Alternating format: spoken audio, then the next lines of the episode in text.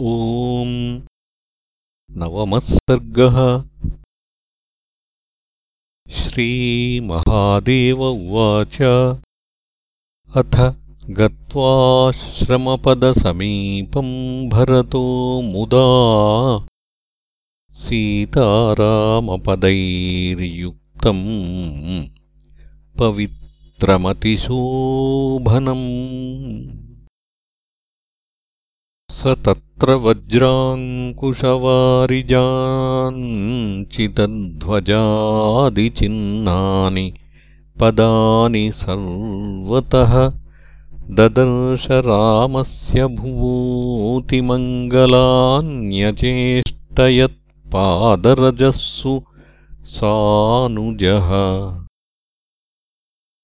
अहो सुधन्योऽहममूनिरामपादारविन्दाङ्कितभूतलानि पश्यामि यत्पादरजो विमृग्यम् ब्रह्मादिदेवैः श्रुतिभिश्च नित्यम्। इत्यद्भुतप्रेमरसा प्लुताशयो विगाढचेता रघुनाथभावने आनन्दजाश्रुस्नपितस्तनान्तरः शनैरवापाश्रमसन्निधिम् हरेः स तत्र दृष्ट्वा रघुनाथमास्थितम्। दूर्वादलश्यामलमायते क्षणम् जटाकिरीटम् नववल्कलाम्बरम्। प्रसन्नवक्त्रम् तरुणारुणद्युतिम् विलोकयन्तम् जनकात्मजाम् शुभाम् सौमित्रिणा सेवितपादपङ्कजम्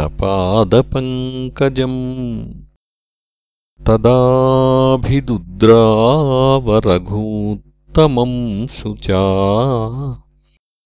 हर्षाच्च तत्पादयुगम् त्वराग्रहीत्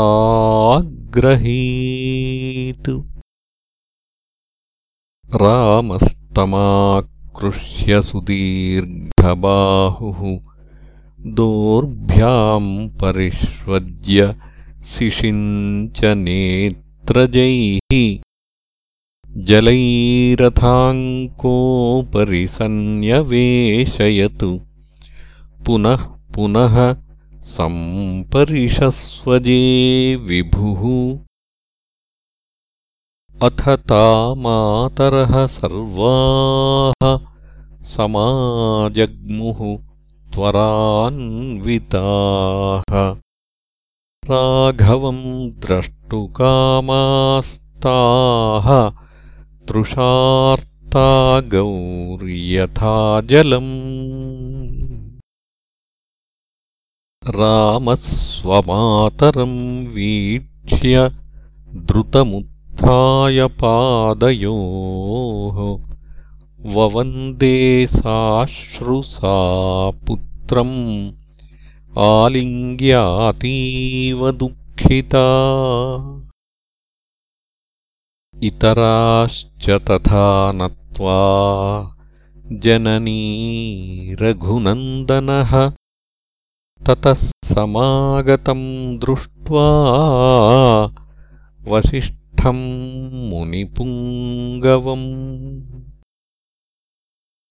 साष्टाङ्गम् प्रणिपत्याः धन्योऽस्मीति पुनः पुनः यथार्हमुपवेश्याम।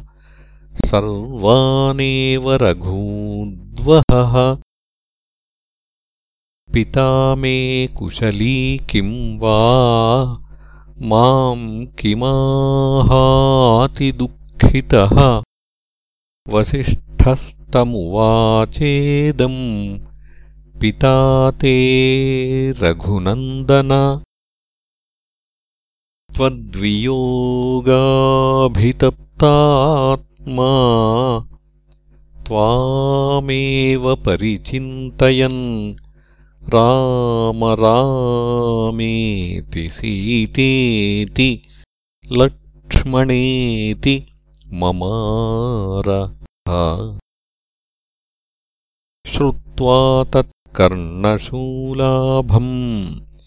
गुरूर्वचनमञ्जसा हा हतोऽस्मीति पतितो रुदन् रामः स लक्ष्मणः ततोऽनुरुरुदुः सर्वा मातरश्च तथा परे।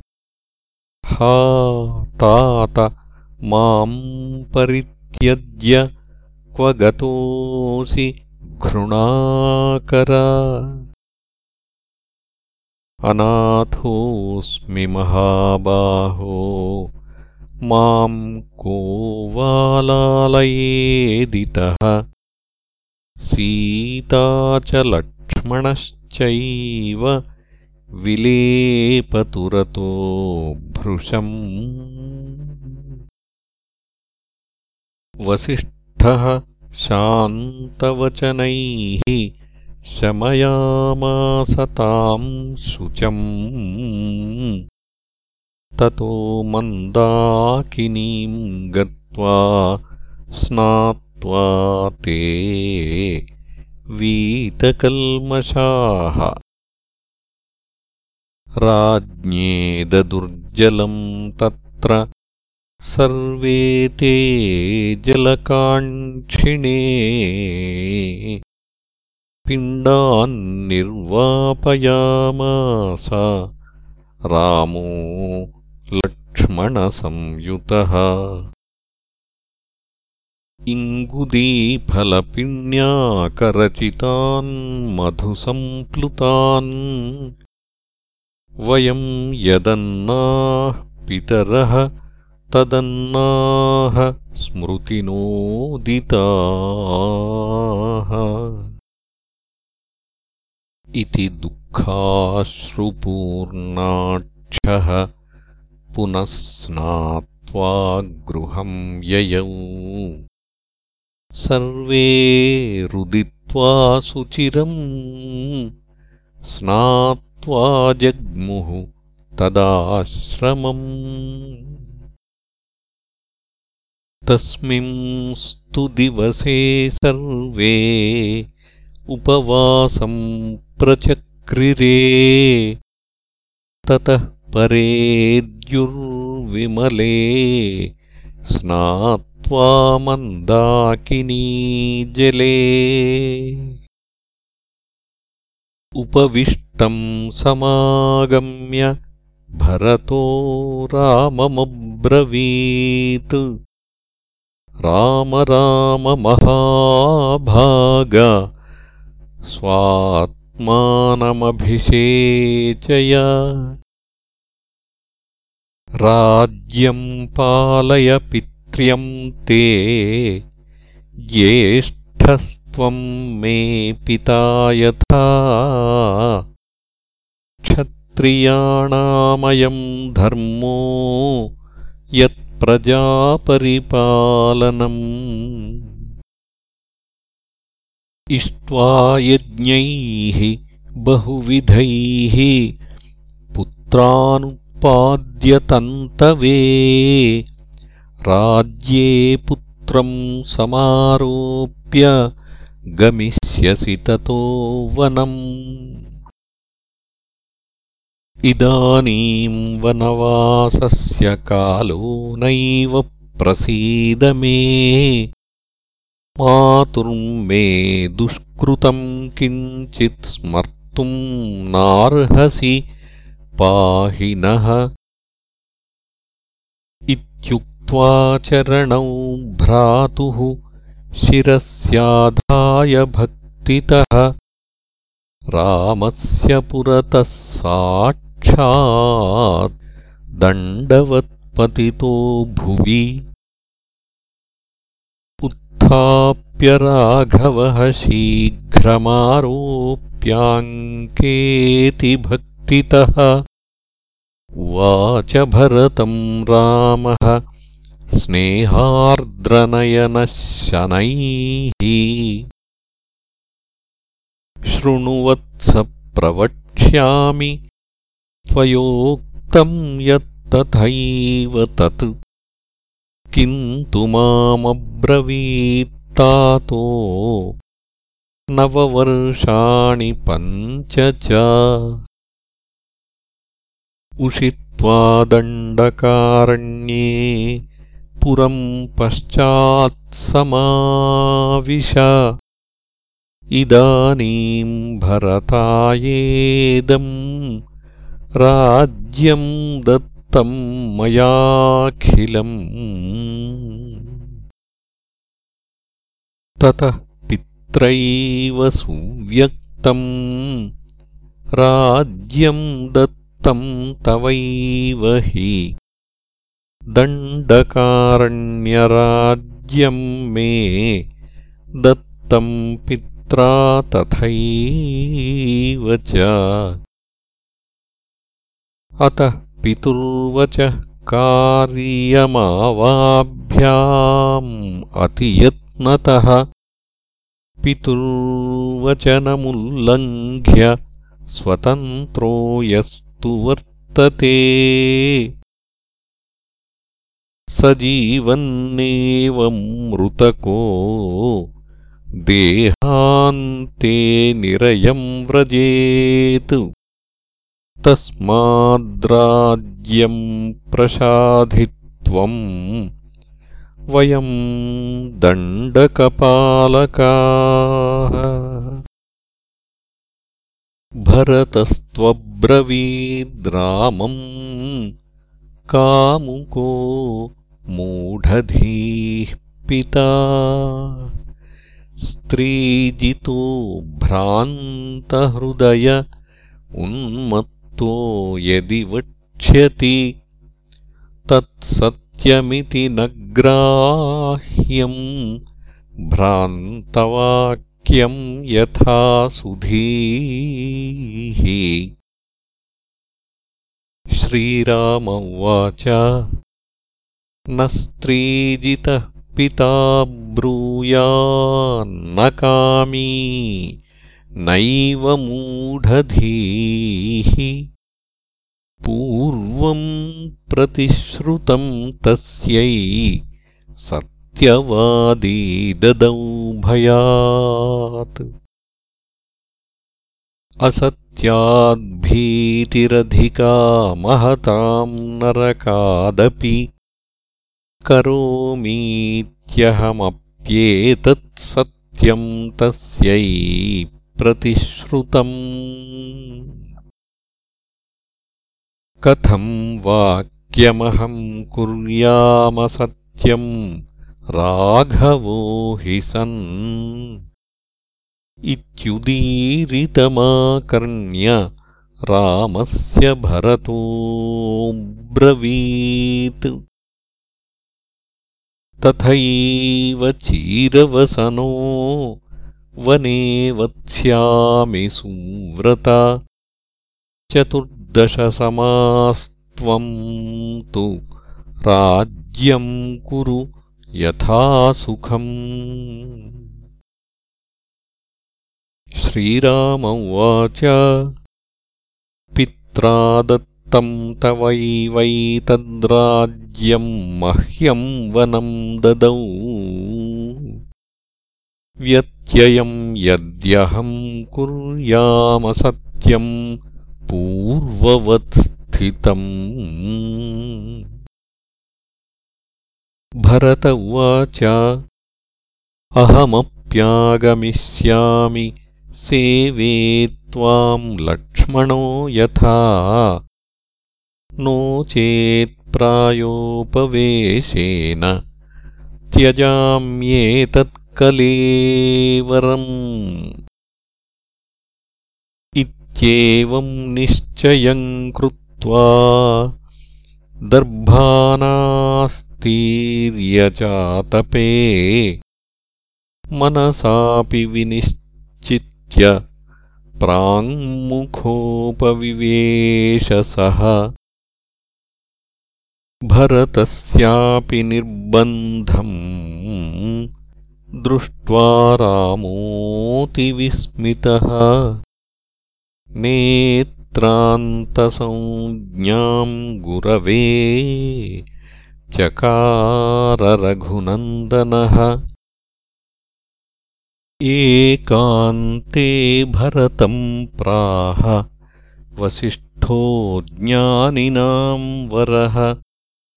वत्सगुह्यम् शृणुष्वेदम् मम वाक्यात् सुनिश्चितम्। रामो नारायणः साक्षाद्ब्रह्मणा याचितः पुरा। रावणस्य वधार्थाय जातो दशरथात्मजः। योगमायापि सीतेति जाता जनकनन्दिनी। शेषोऽपि लक्ष्मणो जातो राममन्वेति सर्वदा।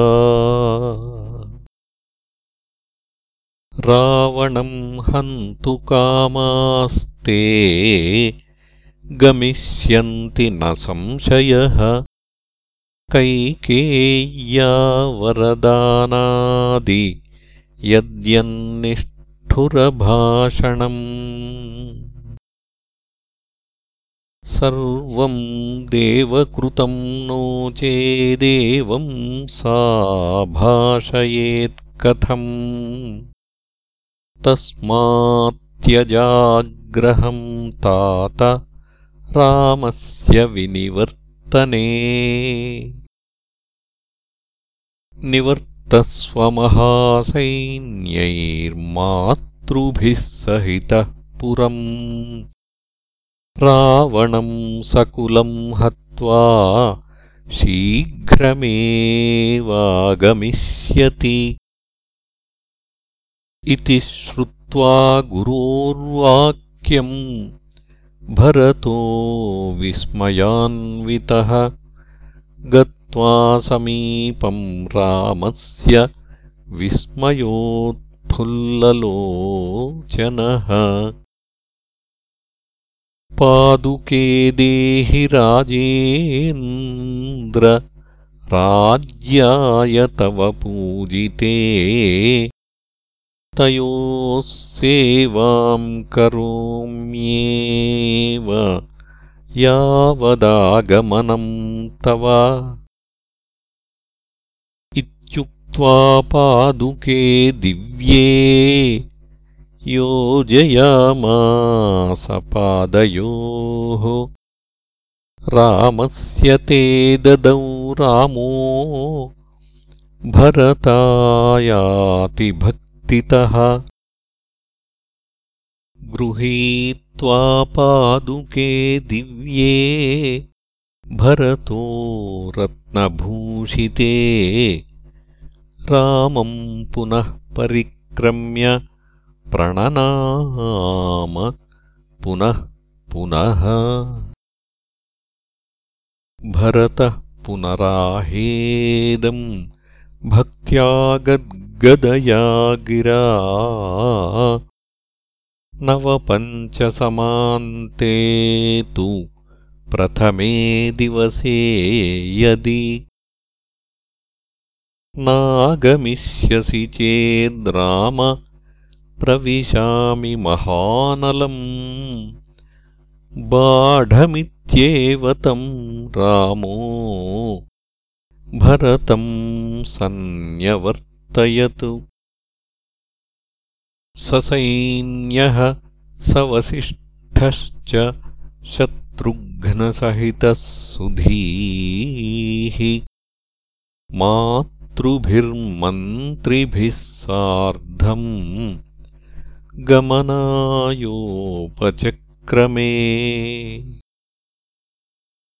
कैकेयी राममेकान्ते स्रवन्नेत्रजलाकुला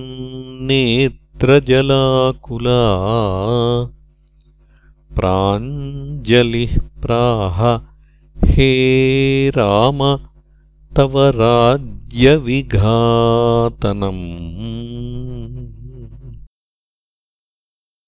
कृतं मया दुष्टधिया।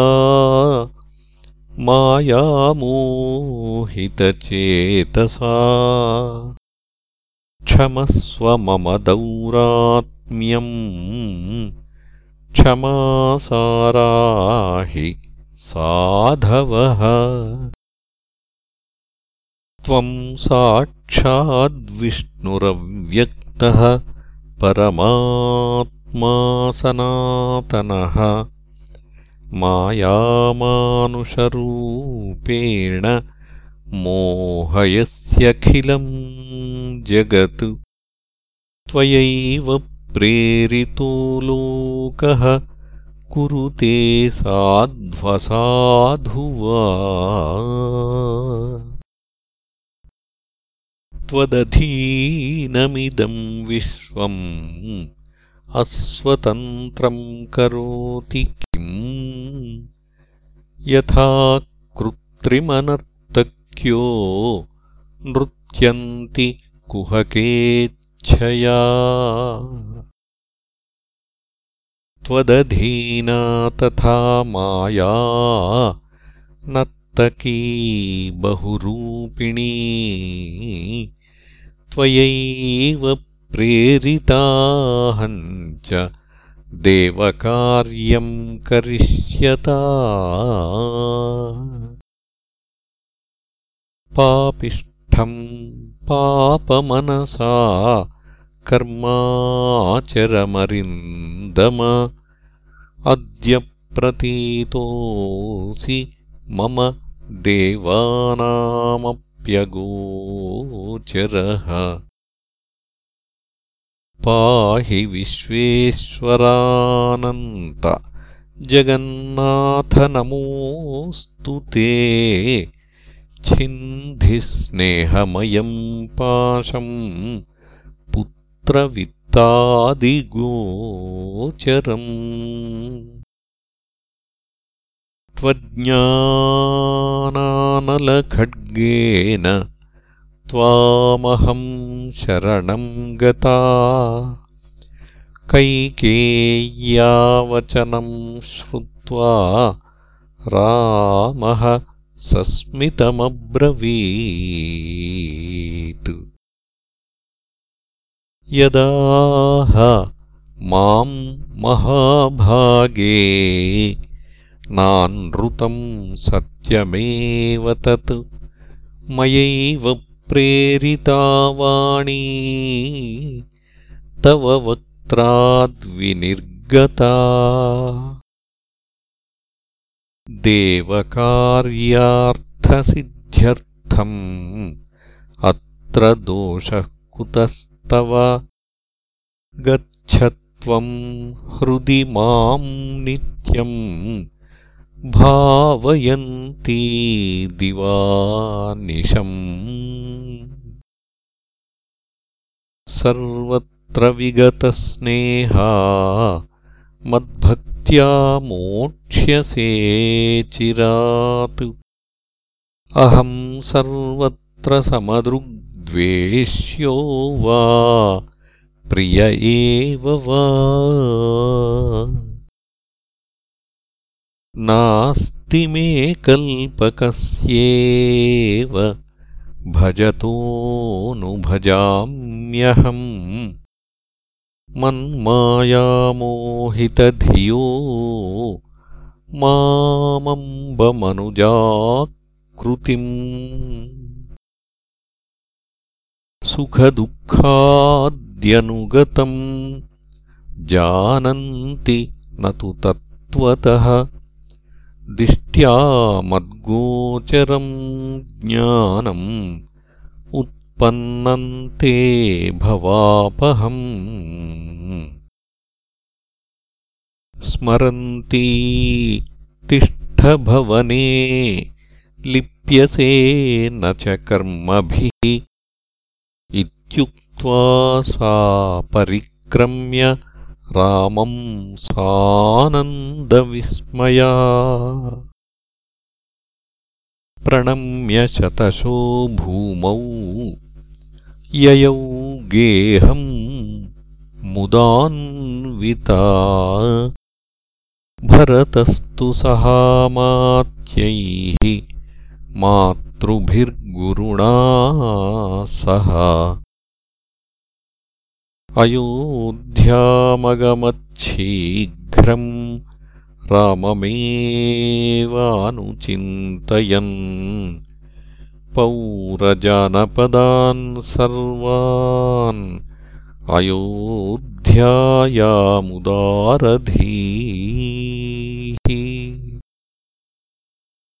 स्थापयित्वा यथा न्यायम् नन्दिग्रामम् ययौ स्वयम् तत्र सिंहासने नित्यम् पादुके स्थाप्य भक्तितः।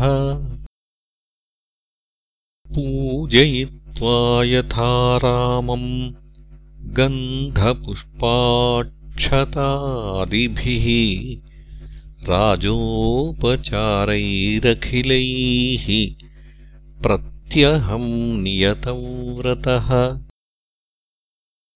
फलमूलाशनोदान्तो जटावल्कलधारकः। अधशायी ब्रह्मचारी शत्रुघ्नसहितस्तदा राजकार्याणि सर्वाणि यावन्ति पृथिवीतले। तानि पादुकयोः सम्यङ् निवेदयति राघवः।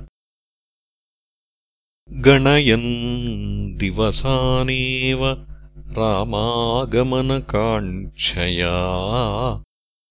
स्थितो रामार्पितमनाः साक्षाद्ब्रह्ममुनिर्यथा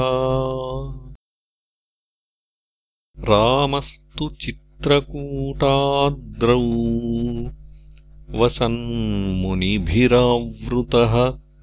सीतया लक्ष्मणेनापि किञ्चित्कालमुपावसतु नागराश्च सदा यान्ति रामदर्शनलालसाः। चित्रकूटस्थितम् ज्ञात्वा सीतया लक्ष्मणेन च दृष्ट्वा तज्जनसम्बाधम् रामस्तत्याजतम् गिरिम् दण्डकारण्यगमने कार्यमप्यनुचिन्तयन्। अन्वगात्सीतया भ्रात्रा ह्यत्रेराश्रममुत् सर्वत्र सुखसंवासम् जनसम्बाधवर्जितम्। गत्वा मुनिमुपासीनम्। भासयन्तम् तपोवनम्। दण्डवत्प्रणिपत्याः रामोऽहमभिवादये पितुराज्ञाम् पुरस्कृत्य दण्डकाननमागतः वनवासमिषेणापि धन्योऽहम् दर्शनात्तव। श्रुत्वा रामस्य वचनम् रामम् ज्ञात्वा हरिम् परम् पूजयामास विधिवत् भक्त्या परमया मुनिः। वन्यैः फलैः कृतातिथ्यमुपविष्टम् रघूत्तमम्। सीताम् च लक्ष्मणम् चैव सन्तुष्टो वाक्यमब्रवीत् भार्यामेतीव संवृद्धा ह्यनसूयेति विश्रुता तपश्चरन्ती सुचिरम् धर्मज्ञा धर्मवत्सला अन्तस्तिष्ठति ताम्। सीता पश्यत्वरिनिषूदना तथेति जानकीम् प्राह रामो राजीवलोचनः। गच्छ देवीम् नमस्कृत्य शीघ्रमेहि पुनः शुभे तथेति रामवचनम् सीता चापि तथाकरोत् दण्डवत्पतितामग्रे सीताम् दृष्ट्वातिहृष्टधीः अनसूया समालिङ्ग्य वत्से सीतेति सादरम् दिव्ये ददौ कुण्डले द्वे निर्मिते विश्वकर्मणा। दुकूले द्वे ददौ तस्यै निर्मले भक्तिसंयुता। अङ्गरागम् च सीतायै ददौ दिव्यम् शुभानना। न त्यक्ष्यतेऽङ्गरागेण शोभा त्वाम् कमलानने। पातिव्रत्यम् पुरस्कृत्य राममन्वेहि जानकी। कुशली राघवो यातु त्वया सह पुनर्गृहम् भोजयित्वा यथा न्यायम् रामम् सीतासमन्वितम्। लक्ष्मणम् च तदा रामम्। पुनः प्राह कृताञ्जलिः रामत्वमेव भुवनानि विधाय तेषाम् संरक्षणाय सुरमानुषतिर्यगादीन्। देहान् बिभर्षि न च देहगुणैर्विलिप्तः। त्वत्तो बिभेत्यखिलमोहकरी च माया इति श्रीमदध्यात्मरामायणान्तर्गते उमामहेश्वरे संवादे अयोध्याकाण्डे नवमः सर्गः समाप्तमिदम् अयोध्याकाण्डम्